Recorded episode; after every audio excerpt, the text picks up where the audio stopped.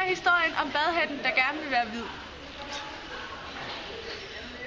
Ja, lidt lad det Kan I se forskellen? Der var engang en badhætte, der var meget hvid. Med et flot logo. Den tog på træningslejr til Sydafrika i to uger. Efter to uger blev badhatten simpelthen så ked af det. For den var blevet grumset. Den var engang lige så hvid som det her håndklæde.